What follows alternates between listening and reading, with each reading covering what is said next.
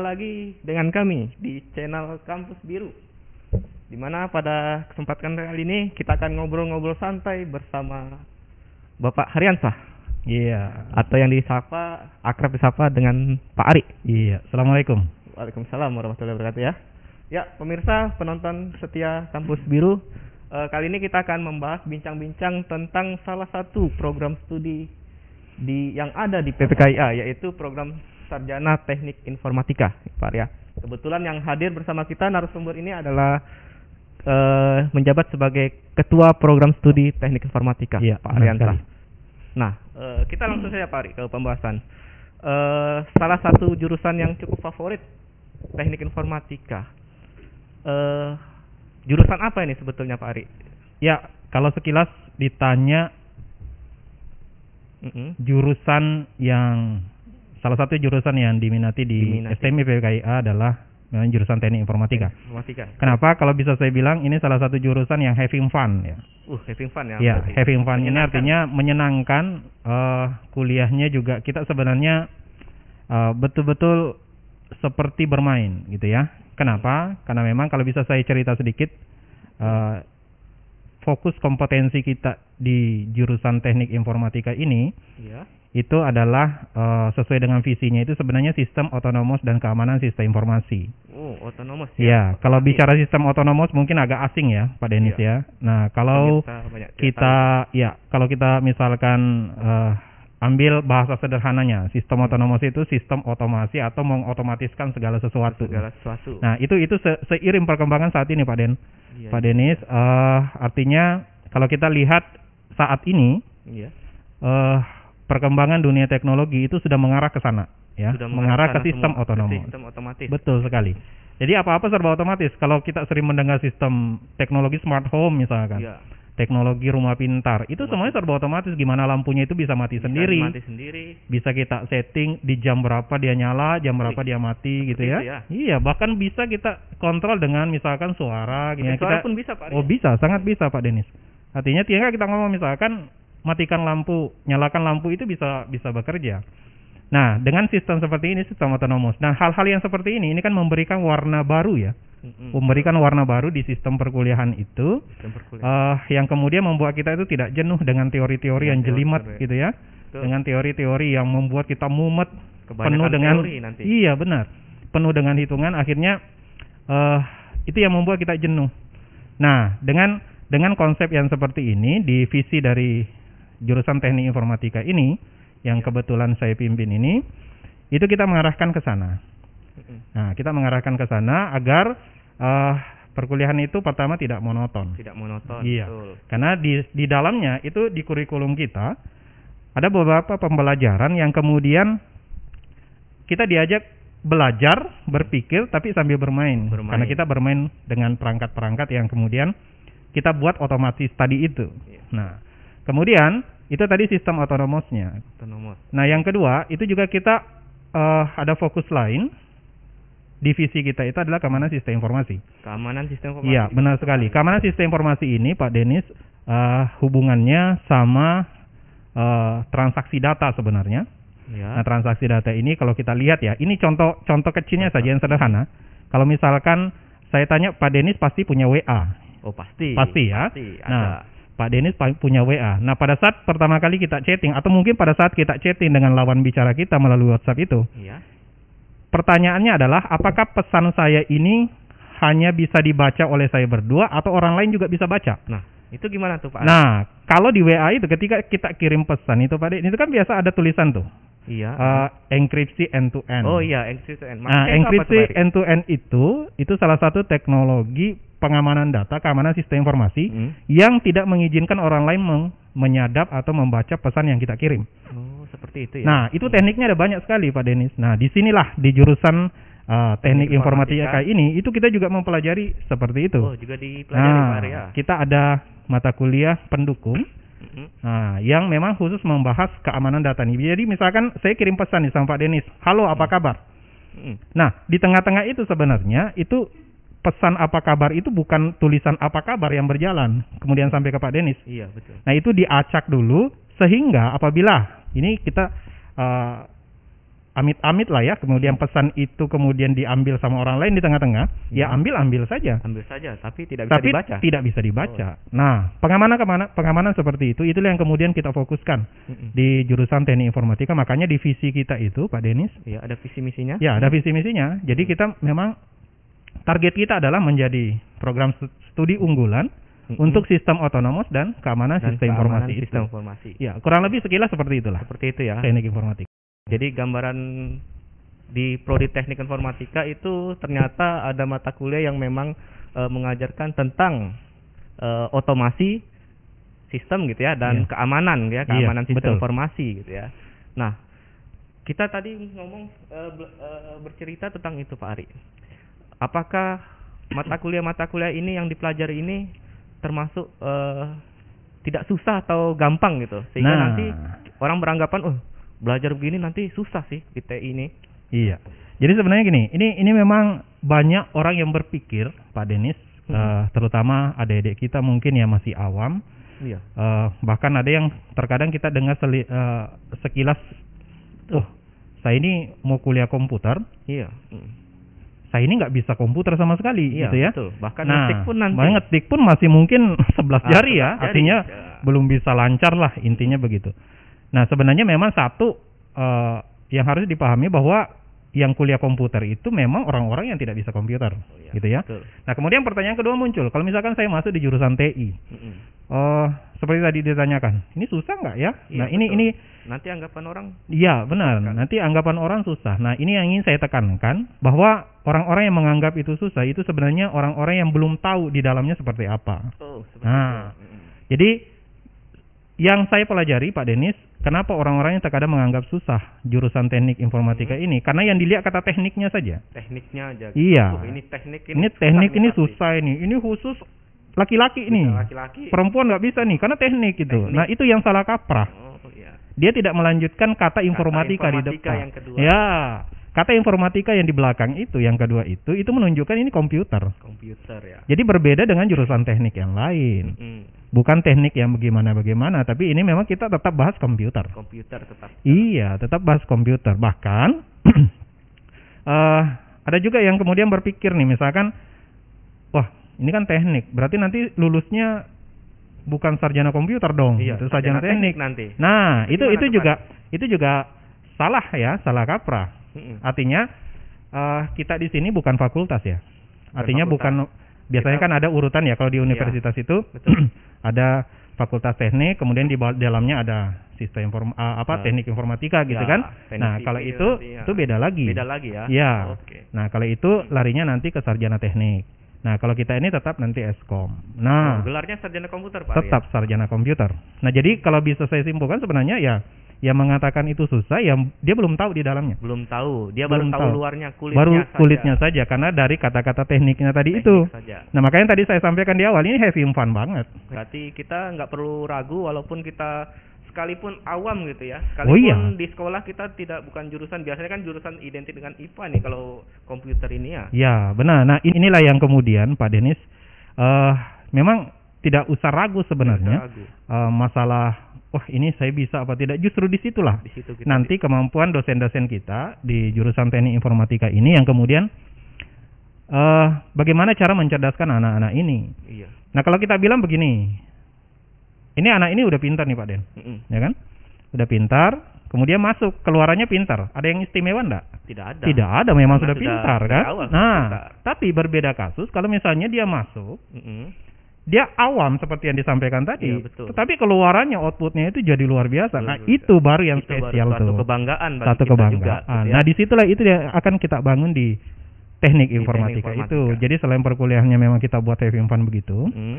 eh, ada ada kompetensi khusus yang memang tidak dimiliki oleh jurusan, yang jurusan lain. lain Nah, itulah yang kita fokuskan eh, di TI ini. Bagaimana cara mahasiswa itu pintar, Mm-mm. eh, juga punya warna baru di pendidikan dia gitu. Terus membuat yang tidak bisa menjadi bisa Membuat yang tidak bisa jadi bisa. jadi kalau mau gabung di teknik informatika nggak boleh ragu gitu ya Iya. Nah, kan ini kuliahnya nanti eh, seperti yang Pak Ari bilang tadi eh, dapat gelar sarjana komputer. Iya. Terus ada beberapa eh, mata kuliah unggulan gitu ya, Iya. seperti eh, oto otomasi dan eh, apa eh, keamanan sistem operasi.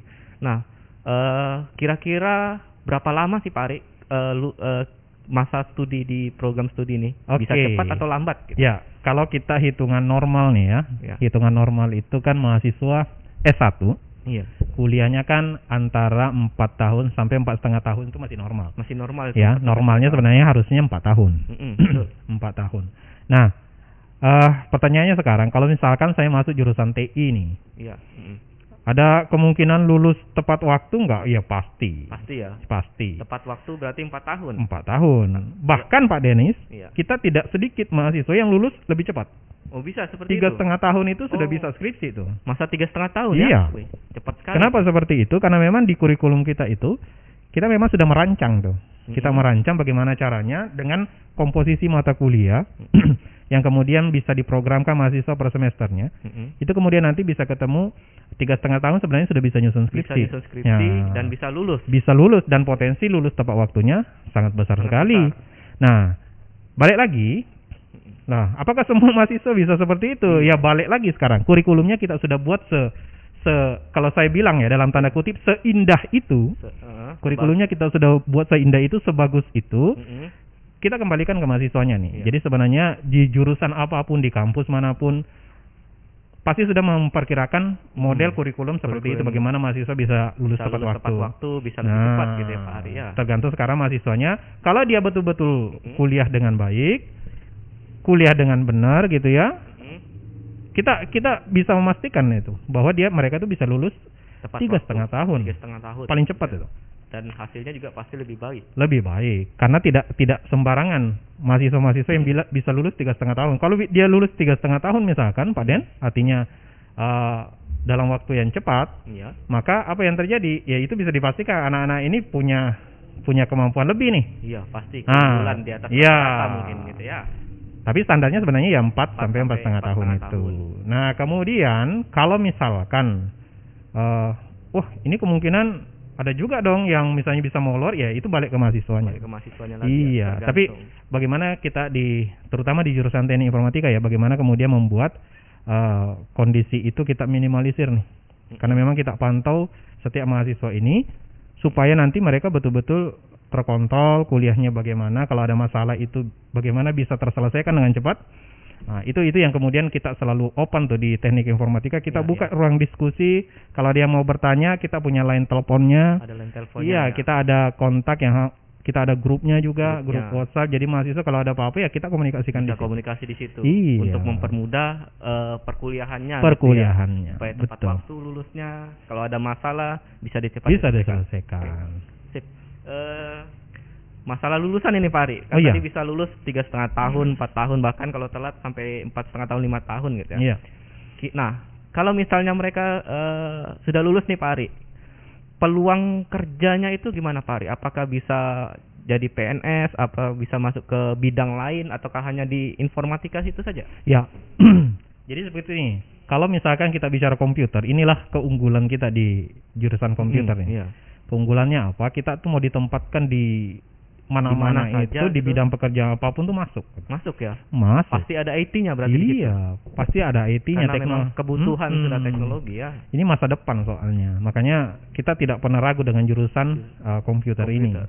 Nah, kita spesifik mungkin ke teknik informatikanya. Ya, betul, informatika. saya mungkin menjawab pertanyaan Pak Denis nih. Ini kesannya larinya kalau saya Hmm. lulus di TI itu jurusan teknik informatika itu saya bisa kerja di mana aja. Kan Iya. kesannya gitu ya. Misalnya gitu. Nah, jadi saya mau cerita saja eh, lulusan TI itu ada di mana. Mungkin Hmm. dengan ini itu akan Oh, otomatis iya. menjawab tuh menjawab dari pertanyaan itu. Pak Denis Ah. nih. Nah, alumni saya di jurusan teknik informatika ada yang bekerja di bank. Oh, ada yang di bank juga masih Banyak. kan? Di Kota Tarakan hampir semua bank ada mahasiswa saya jurusan teknik informatika. Luar biasa kalau gitu. Iya, jadi bisa dikatakan ya jurusan teknik informatika di perbankan, Mm-mm. Why not? Iya, gitu ya. not? Kenapa tidak? Kenapa tidak berarti? Kita punya kemampuan di sana. Iya. Bahkan bisa saya sampaikan jurus eh, mahasiswa-mahasiswa kami, alumni kami di jurusan teknik informatika itu di perbankan ada yang jadi kepala cabang. Tuh, ada yang jadi kepala cabang iya, ada yang jabatannya tinggi-tinggi banget sekali tuh, itu tinggi-tinggi. kepala cabang. Iya. Artinya apa? Itu dasarannya apa? Ya, Hmm. Karena apa yang kita bekalkan di jurusan teknik informatika itu ternyata juga dilirik sama pihak perusahaannya. Pesannya. Dalam ini perbankan tadi. Mm-mm, betul. Artinya, oh, memang relevan nih, ya, relevan. Bahkan eh, sekilas saya dengar informasi dari para stakeholder ini Mm-mm. bahwa salah satu yang diperhatikan Mm-mm. pada saat perekrutan eh, si alumni kita ini di perbankan tersebut, Mm. ini ini menarik sekali ini bahwa Hmm. salah satunya itu adalah ada sertifikat anggota tim robot nih. Oh, ada tim Iya. robotnya juga teknik ini. Iya Teknik ada. Kita nih. kita terkenalnya dengan robotika sebenarnya. Oh, iya iya. Nah iya. di teknik informatika ini karena pernah ikut lomba gitu ya, artinya lomba. kinerjanya jelas gitu ya. Akhirnya apa? Akhirnya ya dengan sertifikat yang dimiliki ini, ini bisa ternyata bisa jadi pertimbangan khusus untuk Pertimbangan itu. khusus. Iya. Jadi nilai tambah berarti. Jadi nilai ya? tambah. Nah kemudian itu perbankan. Ada lagi nggak di bidang lain? Oh banyak. Banyak ya. Banyak sekali. Bahkan kalau ditanya berwira swasta ada banyak sekali alumni kita juga memang karena bekal yang dimiliki di te- dari teknik informatika Iya. itu itu bisa jadi bekal dia justru membuka lapangan pekerjaan. Membuka lapangan pekerjaan baru. Membuka ya? lapangan Menjadi pekerjaan. wirausaha. Menjadi wirausaha. Karena memang jurusan komputer itu bisa masuk ke mana aja gitu ya. Dan penekanan-penekanan kompetensi itu memang kita tanamkan, kita pertajam salah satunya di jurusan teknik informatika ini. Informatika. Iya. Berarti ada keunggulan khusus di teknik informatika ini. Betul. ya. Nah, eh tadi kita bicara tentang lulusan dan alumni ya Pak Arya. Iya. Nah, tadi saya sempat mendengar ada kutipan prestasi yaitu di bidang robotika Pak Ari. Bisa sedikit cerita Oh Pak iya. Biar Nah, kita ini. lebih yakin nih dengan teknik informatika. Satu jadi kebanggaan ya. Ya. Dulu kalau kita keluar kota, Iya. kemudian ditanya kuliah di mana, dari kampus mana, Mm. kemudian kita jawab STMI PPKIA Tarakanita Rahmawati. Itu di mana? Oh mana? itu di Tarakan. Tarakan itu di mana? di mana gitu. Nah, berhenti sampai di situ kan oke lah kalau dari sisi kampus eh, mereka tidak kenal mungkin dia jarang googling atau bagaimana gitu ya. Tapi kalau kemudian eh, kota eh, Tarakan yang kemudian tidak diketahui dalam lingkup luas ini ya. Mm. Ini kan jadi jadi sesuatu yang ini ya. Artinya kita tinggal di kota Tarakan, bahkan ada segelintiran dulu tahun-tahun 2008 ke bawah itu, kemudian ada yang mengatakan begini, "Oh, Tarakan tuh di mana kok di peta nggak kelihatan?" Kecil sekali deh. Iya kecil sekali. Makanya justru waktu itu saya bilang memang kotanya kecil tapi orang-orangnya besar. Orang-orangnya besar. Oh iya, karena kita ada di situ salah satunya. Mm. Nah akhirnya apa pembuktiannya bagaimana Pak Denis? Ya pembuktiannya adalah ya kita harus show up ya. Show up. Nah dengan prestasi Dengan tadi itu. Prestasi tadi. Nah saya awali di teknik informatika itu kita dari tahun 2008 2000 ya. 2008. Nah dari Tahun awal 2008 itu kita sudah mulai bermain robot. Uy, sudah Kita mulai bermain robot, kemudian kita lomba eh, akhir 2008 2009 ya. Mm. Nah, kemudian setelah berbagai pengalaman itu, kita mulai prestasi juara satu itu tahun 2011. Pernah juara satu juga Pak Ari? Juara satu, bahkan Oh, sampai nasional. Sampai ya, nasional, nasional itu jadi lombanya itu kan na- regional dulu, kemudian Mhm. di tahap nasional. Di regional ini Mm-mm. kita sudah sering banget juara satu, kemudian di nasional itu kita sampai juara dua. Sampai juara sampai juara Nah, dua. juara- luar nasional biasa. ini kan se-Indonesia ini. Se-Indonesia berarti. Iya benar. Jadi kalau ditanya, makanya dulu eh dari sisi kampus tim IPBK ya terkena dengan robotnya. Dengan robotikanya. Nah, robot itu ada di mana? Di teknik informatika. Cuma ada di teknik informatika. Cuma ada di teknik informatika. Luar Kita memang ada tiga jurusan ya. Iya, Memang kompetensinya beda-beda. Ya. Nah, kalau bicara robot yang identiknya dengan identiknya itu adanya di TI. Ada di teknik informatika. Teknik informatika. Iya. Dan prestasinya Pak Den ya 2011, 2012, 2013 itu kita juara. Wih, iya juara biasa satu. sekali Sampai empat atau lima tahun berturut-turut itu kita juara. Nah, untuk saat ini ini kan kondisi pandemi ya. Iya betul. Kondisi pandemi ini Pak Den eh, itu untuk lomba robot ditiadakan dulu nih. Ditiadakan. Ya, ditiadakan karena memang tidak mungkin kan ya Iya, dalam betul. kondisi begini kita berkumpul. Kumpul. Ya, tetap harus mematuhi aturan-aturan dari pemerintah ini. Jadi untuk sementara pakum eh, vakum dulu nih Ya, robotikanya. sementara untuk robotika untuk lomba ya. Ya, untuk Tapi untuk lombanya. perkuliahannya tetap ada. tetap Ah, tetap ada ah, robotikanya. iya. Mata kuliah robotika jadi tetap, unggulan juga. Iya, berarti. tetap. Oke, Berarti eh, saya mengutip tadi sedikit eh, prestasinya di bidang robotika gitu ya. Mm-mm. Eh, nah, eh, u- kira-kira kalau mahasiswanya nanti eh, lagi nyusun skripsi nih, Ya. apakah ini kan identik dengan robotika atau otomasi gitu ya, Iya, iya. otomasi.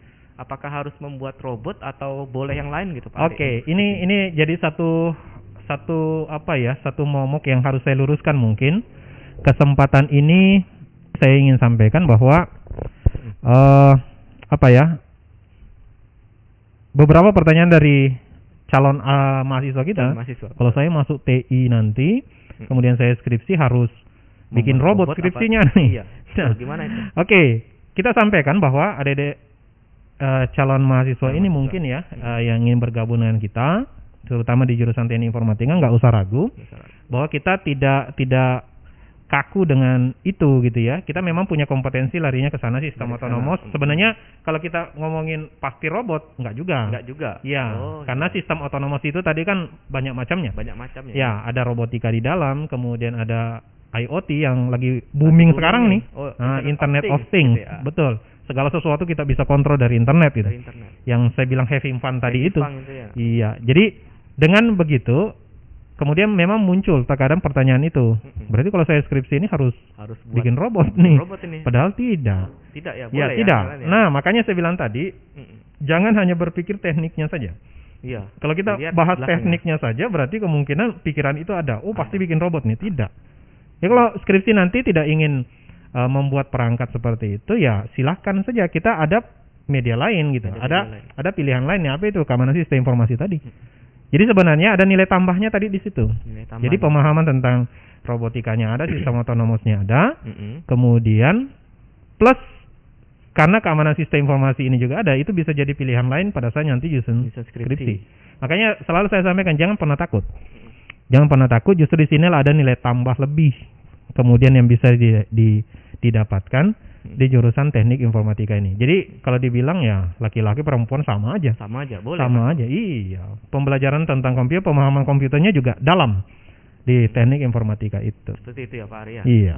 Jadi eh, teknik informatika ini salah satu jurusan yang memang eh, tentang robotika, tentang eh, keamanan, tapi nanti eh, prospek lulusannya atau penyusunan skripsinya pun bisa eh, ke mana aja gitu sebetulnya ya. Iya, yang, kita- yang penting di bidang informatika juga. Betul. Kita memang ada ada beberapa cakupan ya di teknik informatika itu terkait eh, nanti di tahap akhir ya di Tahap penyusunan akhir, skripsi.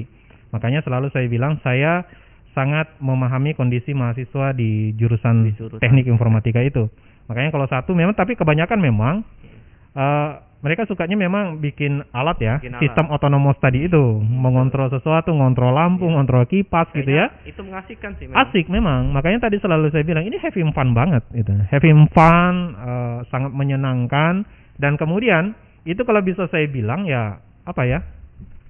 Kalau ibaratnya kita bermain kabel, lampu gitu ya. Iya, betul. Ya lampu nyala berarti kabelnya nyambung. Mm-mm. Lampu mati berarti kabel nggak nyambung. Oh, Cuma iya. sesederhana itu. Cuma sederhana Artinya ya. tidak perlu mikir rumet-rumet. Oh, ini kabelnya nggak nyambung, berarti rumusnya pakai ini. Nggak ada itu nggak ada. Oh, ada. Di teknik informatika nggak ada. Enggak ada. Iya.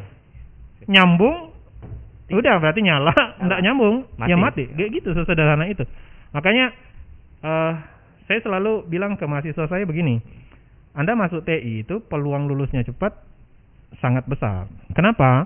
Kita memang seperti yang saya sampaikan di awal tadi, kita sudah formulasikan bagaimana kurikulum itu, bagaimana mata kuliah itu kita ramu se- sedemikian rupa sehingga nanti memudahkan sampai di tahap akhir dalam hal ini penyusunan skripsi. Skripsi gitu. Saya mau cerita sedikit Pak Den. Mm-mm. Ada satu bukan satu ya, ada banyak, tapi saya cerita salah satu Ya, saja. salah satu. Misalnya. Mata kuliah yang kemudian nanti pada saat diambil, Mm-mm. mata kuliah itu kalau di kampus itu disebutnya tugas proyek interfacing ya. Tugas proyek. Tugas interfacing. proyek interfacing. Nah, itu rata-rata mahasiswa itu bikin sistem otonomos. Oh, sistem situ otonomos ya, Hmm. seperti yang saya cerita tadi itu kontrol lampu, kontrol kipas, macam-macam lah gitu ya, yang bikin ya. di, dibuat otomatis. Termasuk IoT tadi bisa IoT di situ? masuk situ. Oh, iya. Nah, terkait IoT eh, mungkin teman-teman eh, bisa melihat video eh, talk show kita ya. Oh, yang talk show ah, yang itu. pernah kita Ah. Eh, bahas itu Tentang di talk show. Kebetulan saya Things. juga pematerinya. Oh, iya, nah, iya. nanti di situ kan saya demokan tuh Pak Denis. Mm-mm. Saya demokan eh, sistem IoT yang sebenarnya itu seperti apa. Iya, iya. Begitu ya. Nah, dari situ nanti itu terbayang tuh, oh sistem otonomos itu modelnya seperti itu. Nah, di di TPI itu Mm-mm. ketika itu bisa diselesaikan, Pak Den, itu bisa saya bilang 50% skripsinya sudah selesai. Uh, sudah selesai 50%. 50% Tinggal skripsinya dilanjutin. Iya, berarti. benar.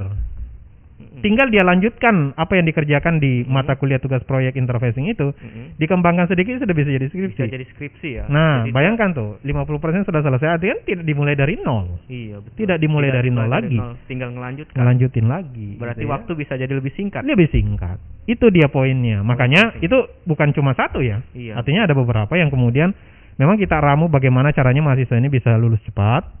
Ah, kemudian kalaupun ada yang molor berarti biasanya ini penyakitnya itu ya memang mahasiswanya jarang masuk gitu ya, tidak kuliah. Nah, itu yang terkadang ah, jadi perhatian penting kita juga di jurusan teknik informatika. Nah, anak-anak yang seperti ini itu biasanya kita kejar, kita pantau dia ke mana, kenapa dia tidak masuk kuliah. Nah tujuannya apa ya? Inilah bentuk perhatian kami di jurusan teknik informatika Hmm, kepada mereka supaya mereka tuh bisa bisa lulus dengan cepat. dengan cepat Nah, waktu terus ada lagi Pak Den. Ini terkait tadi masalah eh apa namanya robotika IoT tadi. Hmm. Nah kemudian ada yang berpikir begini. Ini sekilas juga terkadang keluar pertanyaan. Berarti di jurusan teknik informatika mahal dong. iya terkait biaya ini terkait kan. biaya ini ini kan bikin eh, apa kuliah itu pakai alat gitu kan nah ini ini perlu saya sampaikan bahwa semua fasilitas alat-alat terkait perkuliahan Mm-mm. itu sudah kami siapkan sudah disiapkan sudah ya? disiapkan tinggal dipelajari berarti. pelajari saja tinggal dipakai pada saat kuliah dibagikan Oh, pakai silakan dipakai nanti dikembalikan lagi gantian lagi mahasiswa lain dipakai lagi dipakai. Luar jadi biasa. jadi tidak tidak usah khawatir kita sudah memikirkan sampai ke sana apalagi di saat-saat pandemi begini ya Pandemi, iya, betul. nah oh kalau misalnya tiba-tiba setiap pertemuan perkuliahan harus beli enggak ini enggak beli itu beli ini beli itu, itu enggak. sudah saya antisipasi di awal Pak Den artinya selaku ketua program studi saya memang sudah memperhatikan itu Mhm. bagaimana cara mahasiswa saya tidak usah kepikiran masalah itu pokoknya datang kuliah dengan baik timba ilmunya Mhm. terapkan datang yang penting niat belajar gitu iya. ya. intinya tuh semua itu. fasilitas sudah disiapkan. Kita siapkan. Kayak terkait robot tadi. Iya. Pembelajaran robot. Berarti saya harus beli robot pada saat kuliah. Iya. kita siapkan. Siapkan robotnya juga. Kita siapkan. Luar biasa. Ini ini ada juga kehebatan kita di tim IPPKIA ya. Iya. Artinya memang kita sangat sangat memperhatikan itu supaya nanti mahasiswa itu tidak terbebani gitu. Oke. Nah tinggal nanti penerapannya bagaimana mereka mengimplementasikan di tahap akhir tadi kita itu. akhir tadi ya. Iya di skripsinya tadi itu. Deskripsinya mau ngambil tentang robot eh, robotika boleh iya mau ngambil tentang yang lain juga boleh boleh. sementara masih eh, dalam ruang lingkup, Lingkup. informatika itu teknik informatika betul sekali Betul sekali. Eh, jadi bincang-bincangnya eh, tentang teknik informatika saya rasa cukup jelas ya iya Eh, untuk adik-adik sekalian penonton pemirsa sekalian. Nah eh, terakhir nih Pak Ari, Ya. misalnya ini kan kita masih mas, eh, di masa pendaftaran ya, Eh, ada tiga jurusan. Ya. Kira-kira eh, supaya lebih meyakinkan nih, misalnya kalau ada yang mau daftar untuk adik-adik atau penonton yang mau daftar, ini kan eh, yang daftar kan eh, bisa dari yang baru lulus atau yang sudah lama lulus juga Ya. boleh kan? berarti? iya benar Eh, kira-kira eh, supaya lebih meyakinkan nih Pak Ari, eh, kenapa saya harus teknik informatika? Iya, jadi begini Pak Den. Satu pesan saya dulu di awal itu bagi adik-adikku sekalian mungkin yang baru lulus atau lama lulus tapi eh, pernah eh, vakum dulu gitu ya, Hmm. Vakum dulu, nggak lanjut. betul. Pesan saya cuma satu, lanjutkan pendidikannya. Itu pertama. Lanjutkan, Ya. Di jurusan apa pun Anda lanjutkan pendidikannya. Lanjutkan. Nah, kemudian kenapa saya harus masuk STEMI PPKIA? Mm. Karena di sini banyak orang-orang yang bisa membimbing Anda menuju masa depan. Mm. Seperti yang saya sampaikan tadi bahwa teknik eh, apa komputer itu Mm-mm. itu teknologi masa depan. Teknologi masa depan Anda mau ditempatkan di bidang pekerjaan apa pun bisa, bisa. ya Tetap bisa. ada di situ teknologi ada Iya. di situ. Mau di mau mau jadi PNS, kenapa tidak? Kenapa? Banyak, terutama dari jurusan teknik informatika yang jadi PNS itu banyak sekali. Juga banyak Pak Ari. ya. Banyak. Bisa berarti jadi bisa. PNS juga. Kenapa tidak? Nah makanya eh, ini mungkin bisa meyakinkan adik-adik yang mau bergabung dengan kita, terutama di jurusan teknik informatika.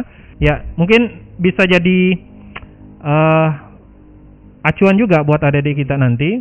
Seandainya ada yang bertanya bisa nggak kalau saya lulus TI jurusan teknik informatika Mhm. yang tadi kompetensinya sistem otonomos robotika kemudian jadi PNS ada banyak sekali lulusan dari teknik informatika yang jadi PNS ya mungkin nanti bisa ditampilkan ya eh, di data-datanya Ada datanya. Ah, ada ada datanya Mhm. nanti bisa ditun- ditunjukkan eh, di bersama nanti dengan video ini itu ada beberapa adik-adik kita dari jurusan teknik informatika yang bisa jadi Jadi PNS. pegawai negeri sipil PNS tadi itu nah kemudian balik lagi kenapa saya harus masuk ke teknik informatika Iya.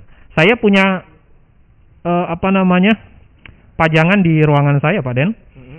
terkait pertanyaan itu. Iya. Nah, karena ini banyak sekali yang terkadang ini kan jurusannya ada tiga. Kenapa saya harus masuk di Kenapa? TI gitu ya? Pertama begini, ketika ada yang bertanya begitu, saya tanya balik. Pertanyaan pertama, nanti bisa ditampilkan nanti Ya, kita pamflet yang saya pajang, yang saya sebutkan itu. Hmm. Anda suka IoT dan keamanan sistem informasi nggak? Mm-mm. Si- IoT tadi sistem otonomous. Sistem itu otonomous. pertanyaan yang muncul tuh. Kenapa saya harus masuk TI? Saya tanya balik. Anda suka IoT dan keamanan sistem informasi nggak? Mm-mm. Ada yang jawab, ya, saya suka.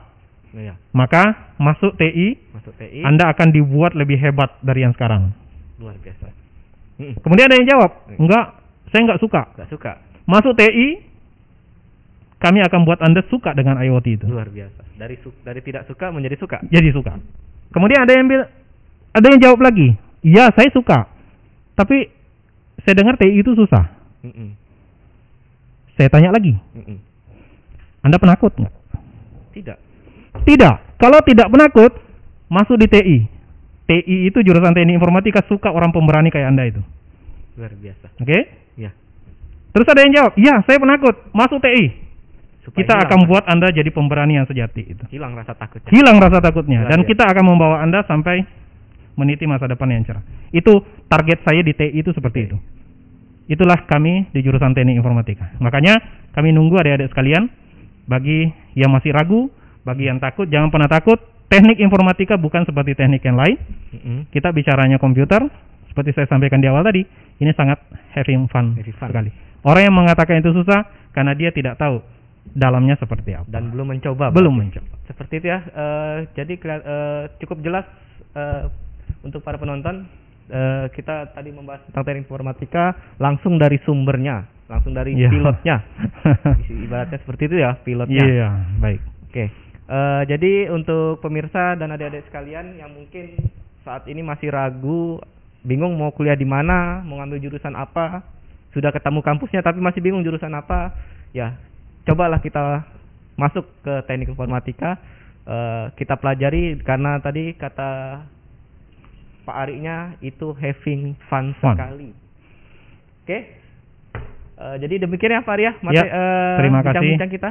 Terima kasih sudah diundang. Eh, terima kasih juga atas informasinya kami jadi lebih tercerahkan lagi. Iya, sama-sama, sama-sama. Mudah-mudahan ini bisa jadi eh, satu pilihan menarik buat adik-adik kita yang ingin bergabung di STEMI PPKIA. Oke. Kita tunggu di kampus biru. Oke, kami tunggu ya Eh, di kampus biru kalau mau mendaftar silakan. Ada pendaftaran via online dan bisa kalau mau datang juga ke kampus bisa kontak dulu ya. Oke, kita ketemu lagi di bincang-bincang selanjutnya. Sampai jumpa. Salam kampus biru. Salam.